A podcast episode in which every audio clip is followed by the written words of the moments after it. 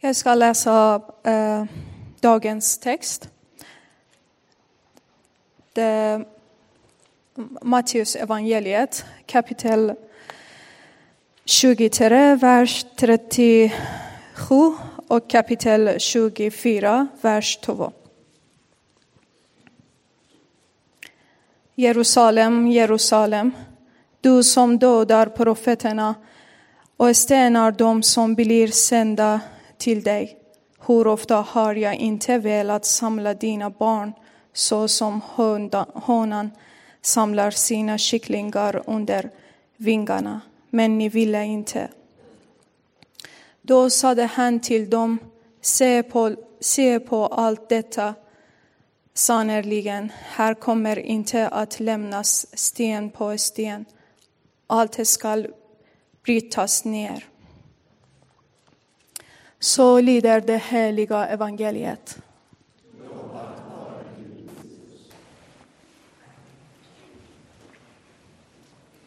Jerusalem, Jerusalem. Du som dödar profeterna och stenar dem som blir sända till dig. Hur ofta har jag inte velat samla dina barn som hönan samlar sina kycklingar. Men ni ville inte. Man kan riktigt känna, hör ni mig förresten? Ja, bra. Man kan riktigt känna sorgen i Jesu ord när han säger detta. Det liksom tränger igenom texten här. Och man förstår av texten att Gud har gjort allt som står i hans makt för att förmå Israels folk att komma nära honom. Och fatta hans kärleksfulla tankar och få dem att liksom gå i den riktning som är bra för dem och som Gud vill. Gud hade sänt profeterna med en tydlig roll i hela det judiska folkets historia.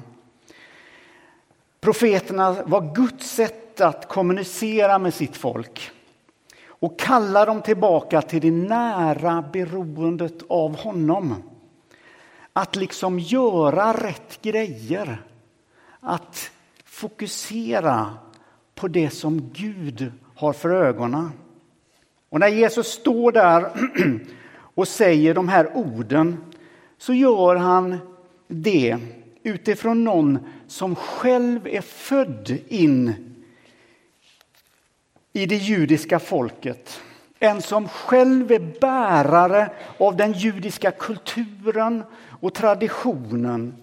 Han var inte någon som kom liksom utifrån och hade åsikter. Någon som bara snackade om hur saker och ting skulle vara. Häromdagen så fick jag medlemstidningen STIM hem i brevlådan. Och jag läste artikeln om hiphopparen och inspiratören Cherry som är uppväxt under tuffa förhållanden i Rinkeby. Ni vet, ibland så blir man så där berörd när man, när man, får, när man läser någonting. Hon hade en sån kärlek till det sundriga och såriga Rinkeby. Så jag, jag, började, jag började gå igenom hennes låtar på Spotify. Hon berättar om drömmarna och det vackra som finns där i Rinkeby, om hennes oro och sorg över alla skjutningar och vänner som har liksom gått bort. Men jag blev också berörd över hur sättet hon berättade sin berättelse om sina områden. Hon talade med värme, inte om Rinkeby. Hon talade med värme inifrån Rinkeby. Och det är precis det som Jesus gör när han står och ropar Jerusalem, Jerusalem. Han talar inifrån det utkorade folket och han gör det precis som Cherry gör när hon rappar om både sin besvikelse och sin kärlek till Rinkeby. Jesus står den här dagen i en position av sorg Det är, det är det man känner tränger igenom den här texten. Men lyssnade Israels folk på profeterna när, de kom? Nej, man förstår också av texten att man inte ville lyssna. Istället dödade man profeterna som ibland kom med obekväma sanningar om hur läget var och som manade till omvändelse och manade folket att hålla sig nära Gud. Hur ofta har jag inte velat samla dina barn som hönan samlar sina kycklingar. Vilken bild! Va? Kan ni se hönan och kycklingarna för er? Alltså, Jesus är i slutet av sitt liv när detta händer. Och han har nu själv upplevt samma typ av eh, motstånd som profeterna före honom hade upplevt.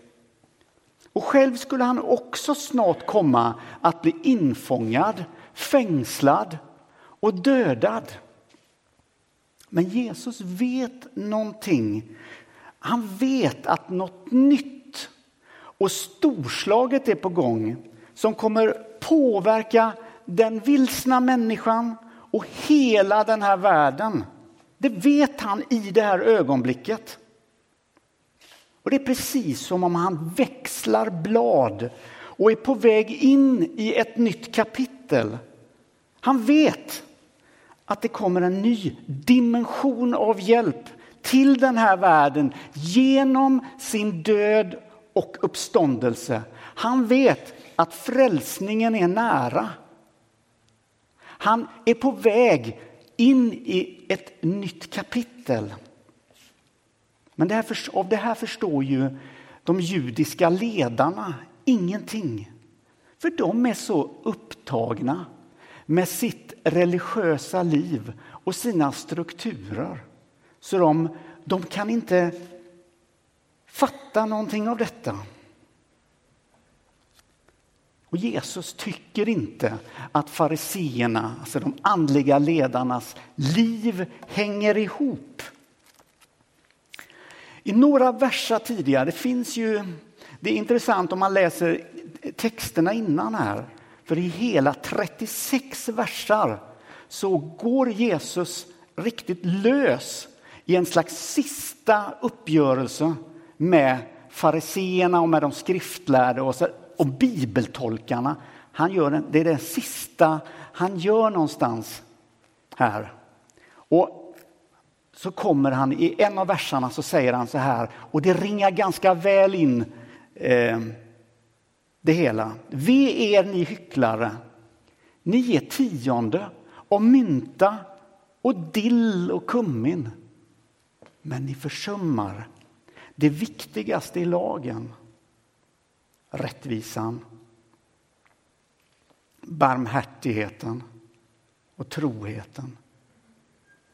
Så varför var de inte öppna för att ta emot hjälp och vägledning från Jesus? Varför hade de stängt sina hjärtan för det som var viktigt? Varför ville man forma sin, sitt eget och göra tolkningar av texterna som man själv ville ha dem? Jag låter den frågan vara hängande här. Det största problemet människan har, alla tider, alla kategorier, det är när man inte tycker sig behöva Gud. Man är nöjd med att bygga på sitt eget. Och snart så uppfattar man sig själv som tillvarons medelpunkt. Och Gud får sitta där bak i baksätet om man ens nu finns med i bilen. Det allra största självbedrägeriet enligt den kristna tron det är när människan byter plats med Gud. Och det, det skiftet, det sker ju inte alltid över en sekund, utan det sker lite gradvis här. Det är därför vi är kallade att vara uppmärksamma.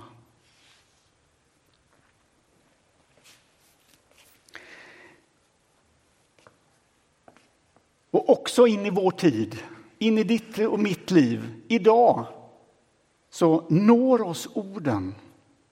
Hur ofta har jag inte velat samla dina barn som hönan samlar sina kycklingar? Guds längtan. Men Jesus ser inte bara med sorg över det judiska folkets eh, bortvändhet då, för 2000 år sedan och ännu längre tillbaka. Han ser med sorg på hur våra hjärtan många gånger är stängda för Gud och för det som händer i vår värld idag.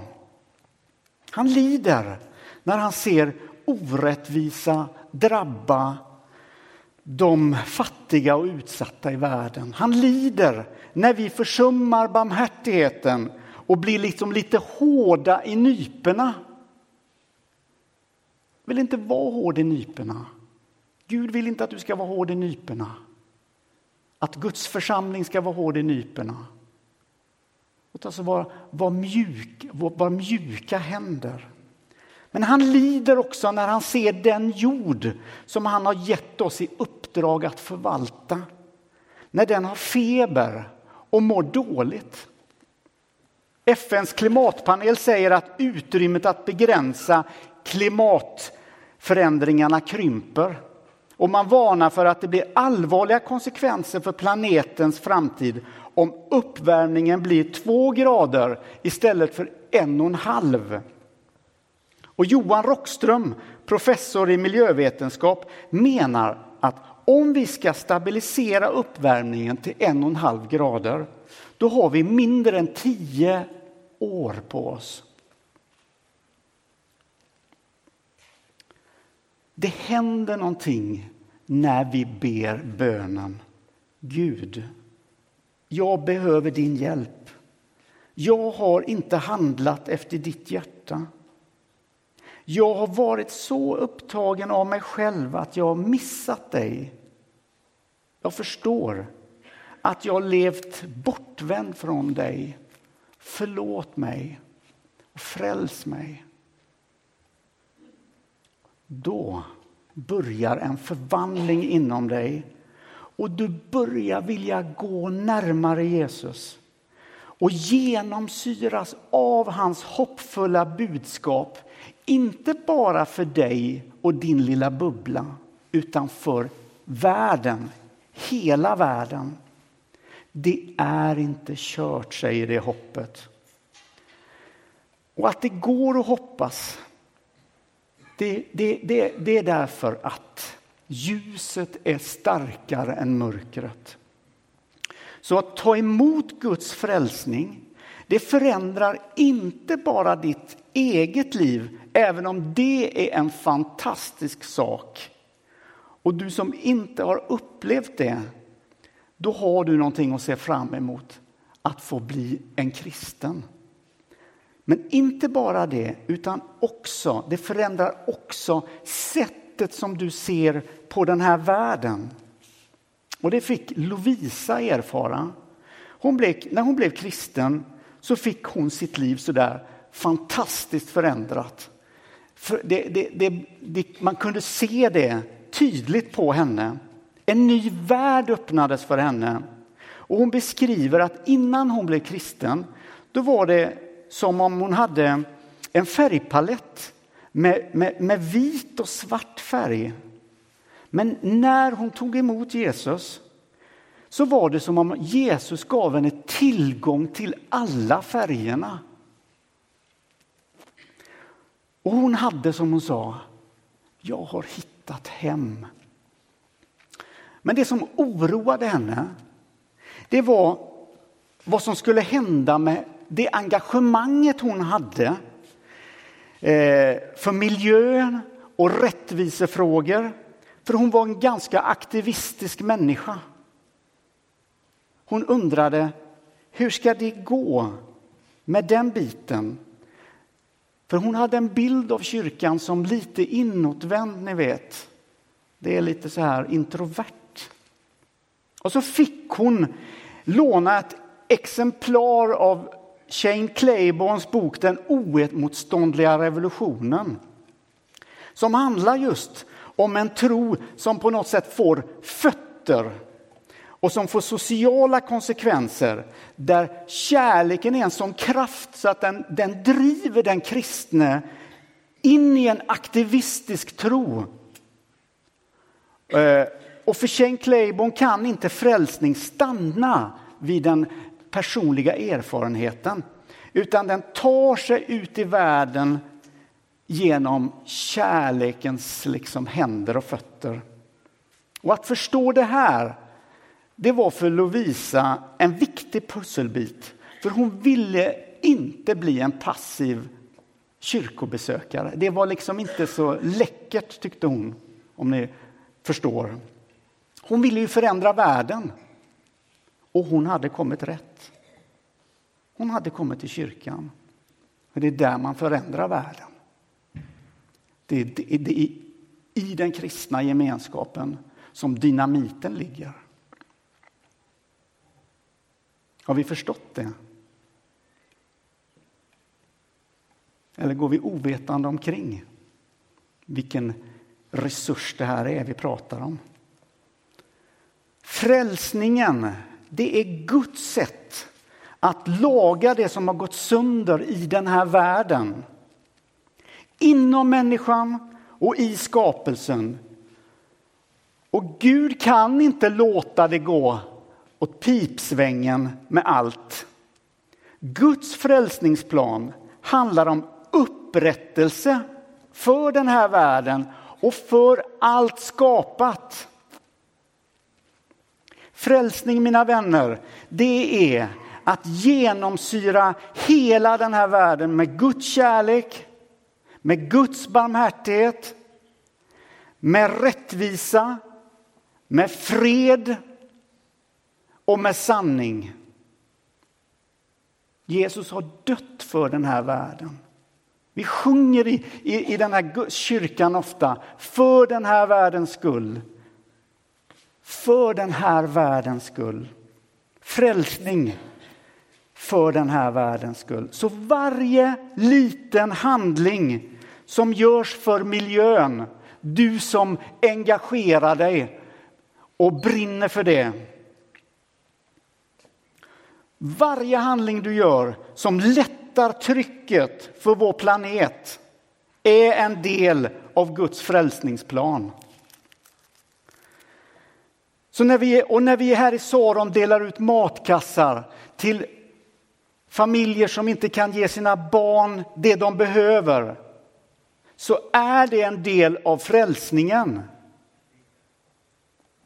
När vi står upp och säger stopp, nu bemöter vi andra personer på ett ovärdigt sätt. Då arbetar vi i frälsningens riktning. Och när vi får berätta för en annan människa att Jesus kan skapa någonting nytt i det som har gått sönder i dig så är det en del av frälsningen. Så vill du kliva in i frälsningen och vara med i den här processen. Vara med och förändra världen. Så kom och var med, du som tvivlar. Du som tror. Kom och var med. Du som tycker att du är för skör för allting. Och du som är stark och står stabilt med båda fötterna på jorden. Kom du som är svårstartad och du som snabbt är på banan. Kom och var med. Du som kanske upplever att du är på väg för landning i livet. Kom och var med, också du som upplever att ditt liv är på väg att lyfta i livet. Så låt oss som församling tillsammans med Jesus förändra den här världen. Och låt bönen, låt ditt rike komma blir den bönen som liksom etsar sig fast i vårt hjärta när vi lever i den här världen. som kristna människor. Låt oss be tillsammans. Jag ber med den helige Franciscus ord, var gärna med i det. Herre, gör mig till redskap för din fred. Hjälp mig bringa kärlek där hatet gror. Tro där tvivel råder. Hopp där förtvivlan härskar. Hjälp mig skänka förlåtelse där orätt begåtts. Skapa endräkt där enighet söndrar. Sprida ljus där mörkret ruvar och bringa glädje där sorgen bor. Amen.